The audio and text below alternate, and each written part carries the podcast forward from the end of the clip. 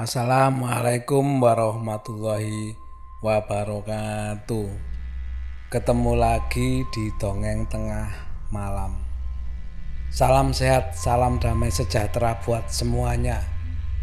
Semoga doa baik yang kita ucapkan dan sedulurku semuanya ucapkan selalu dijabai, dikabulkan oleh Allah Subhanahu wa taala. Amin. Kali ini saya akan membawakan kiriman cerita dari sebentar. Oh, kelihatannya namanya pakai inisial ya. Kita sebut saja dari Mas Dika ya. Saat ini tinggalnya di Tangerang. Oh ya, ini isi-isi dari uh, pembukaan Mas Dika ya. Mas Dika ini adalah pendengar setia dongeng tengah malam. Terima kasih karena menjadi temen perjalanan pulang dari kantor setiap harinya. Makanya pada kesempatan kali ini Mas Dika ingin bercerita pengalaman eh, Mas Dika waktu bersinggungan dengan makhluk gaib yang terjadi sekitar tahun 2017. Tapi sebelum ke cerita saya ingatkan dulu ya.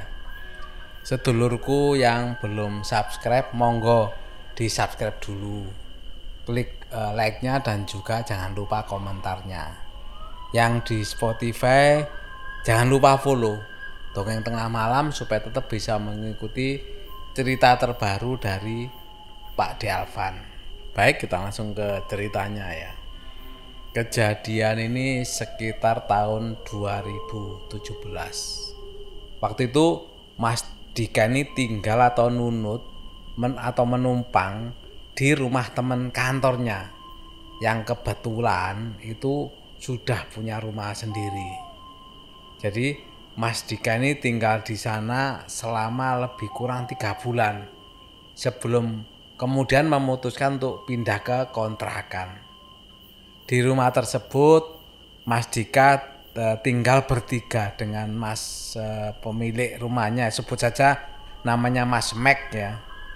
Dan satu lagi temennya eh, sebut saja namanya Delon yang juga ikut menumpang di rumah Mas Mac tersebut. Rumah ini rumah baru. Jadi klaster perumahan baru lah yang sebelumnya Mas Jika nggak tahu berupa apa sebelum jadi perumahan tersebut. Tetapi sepertinya semacam eh, kebun luas ya sebelumnya itu dengan diapit sungai kecil gitu. Lah rumah ini letaknya itu pas di belokan. Jadi ada hooknya gitu. Sedangkan depan dan samping rumah itu masih kosong atau belum ada yang menempati. Bagian belakang rumahnya juga rumah kosong. Sedikit gambaran tentang rumah yang ditinggali Mas Dika ini ya. Rumahnya itu punya dua kamar. Kamar depan ini yang menempati adalah Mas Max si pemilik rumah Sedangkan kamar belakang adalah ditempati Mas Dika dan Delon. Waktu awal-awal tinggal di rumah tersebut itu ya biasa saja, aman-aman saja, nggak ada gangguan atau hal-hal yang ganjil. Peristiwa pertama yang menurut Mas Dika nggak masuk akal adalah saat Mas Dika dan Delon melihat gagang pintu kamar depan itu bergerak sendiri. Jadi saat itu kan sudah hampir maghrib ya. Kebetulan mereka bertiga ini kan kerjanya sip. Jadi kalau ada yang masuk, pasti ada yang lagi libur di rumah. Nah, saat itu Mas Dika dan Delon ini sedang libur. Sedangkan Mas Meng ini sedang masuk kerja. Mas Dika dan Delon kan sedang duduk di ruang tengah sambil nonton TV. Sambil ngopi dan merokok lah, santai-santai lah waktu itu. Selang beberapa saat, Mas Dika ini mendengar ada suara seperti pintu mau dibuka. Lah saat itu Delon ini juga dengar. Kenapa dibilang sama-sama dengar? Karena begitu mendengar suara tersebut, pandangan mereka langsung e, menoleh menuju ke arah suara yang didengar itu.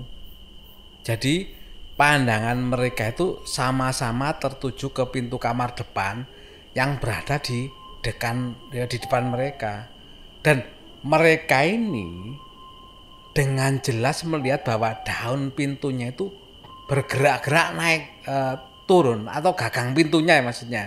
Gagang pintunya bergerak naik turun seperti ada yang mau keluar dari kamar itu.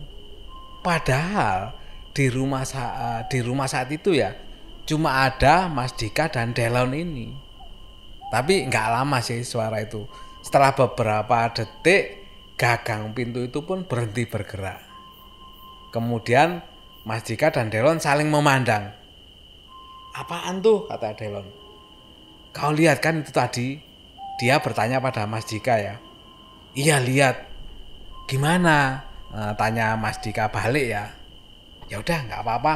Mungkin mau kenalan, kata Delon. Saat itu memang nggak ada perasaan merinding atau takut ya. Ya mungkin karena mereka ada temennya mereka berdua ya.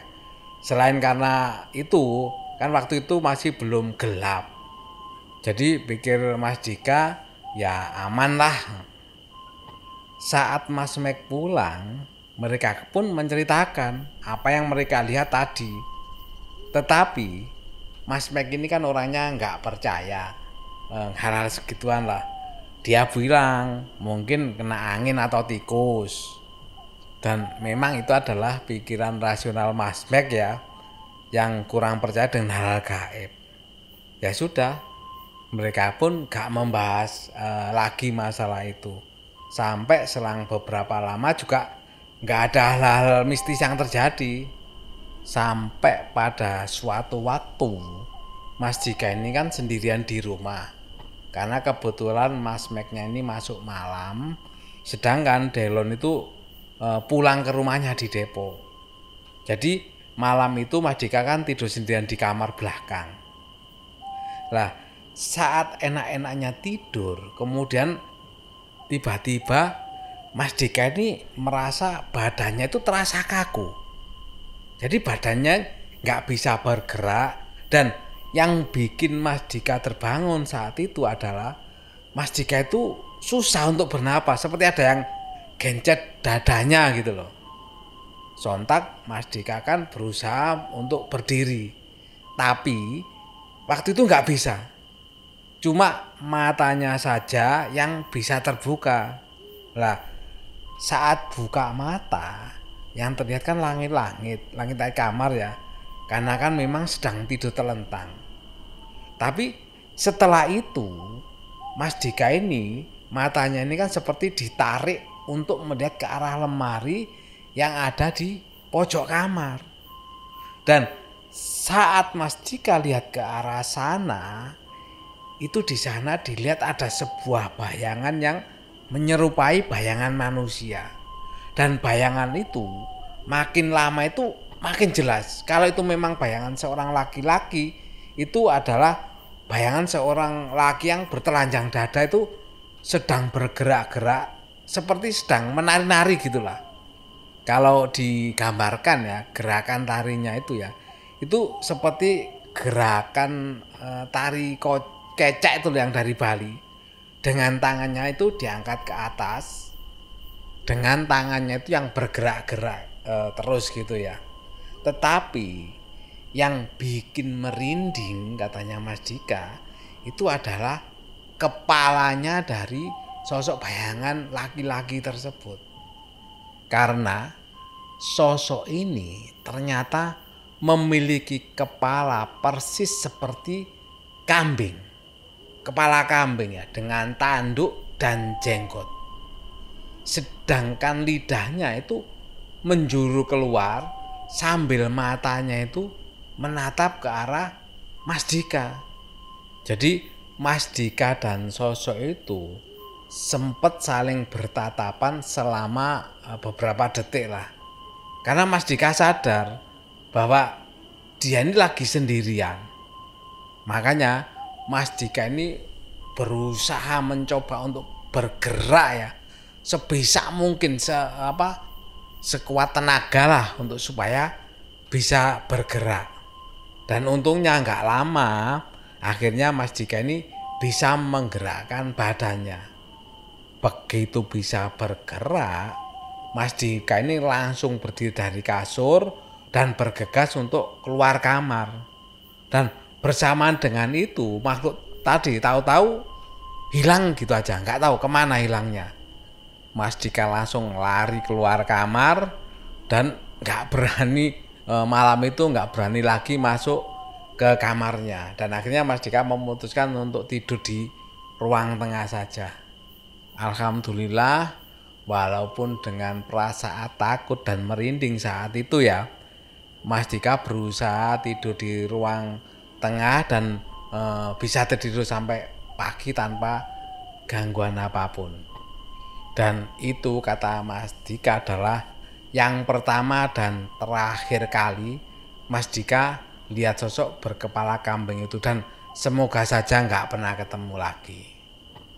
Itu tadi pengalaman dari Mas Dika. Dan katanya Mas Dika masih ada sih pengalaman yang lain yang dialami tapi bukan dengan sosok berkala kepala kambing tadi ya. E, mungkin kali, lain kali lah Mas Dika akan bercerita tentang pengalamannya waktu masuk shift malam di sekitar lingkungan kerjanya tepatnya tempat kerjanya kan di hangar pesawat yang ada di daerah bandara itu tadi cerita dari Mas Dika ya, inisial ya. Terima kasih Mas Dika atas kiriman ceritanya dan ditunggu uh, cerita pengalaman lainnya ya di tempat kerjanya waktu shift malam. Sekali lagi terima kasih ditunggu cerita berikutnya.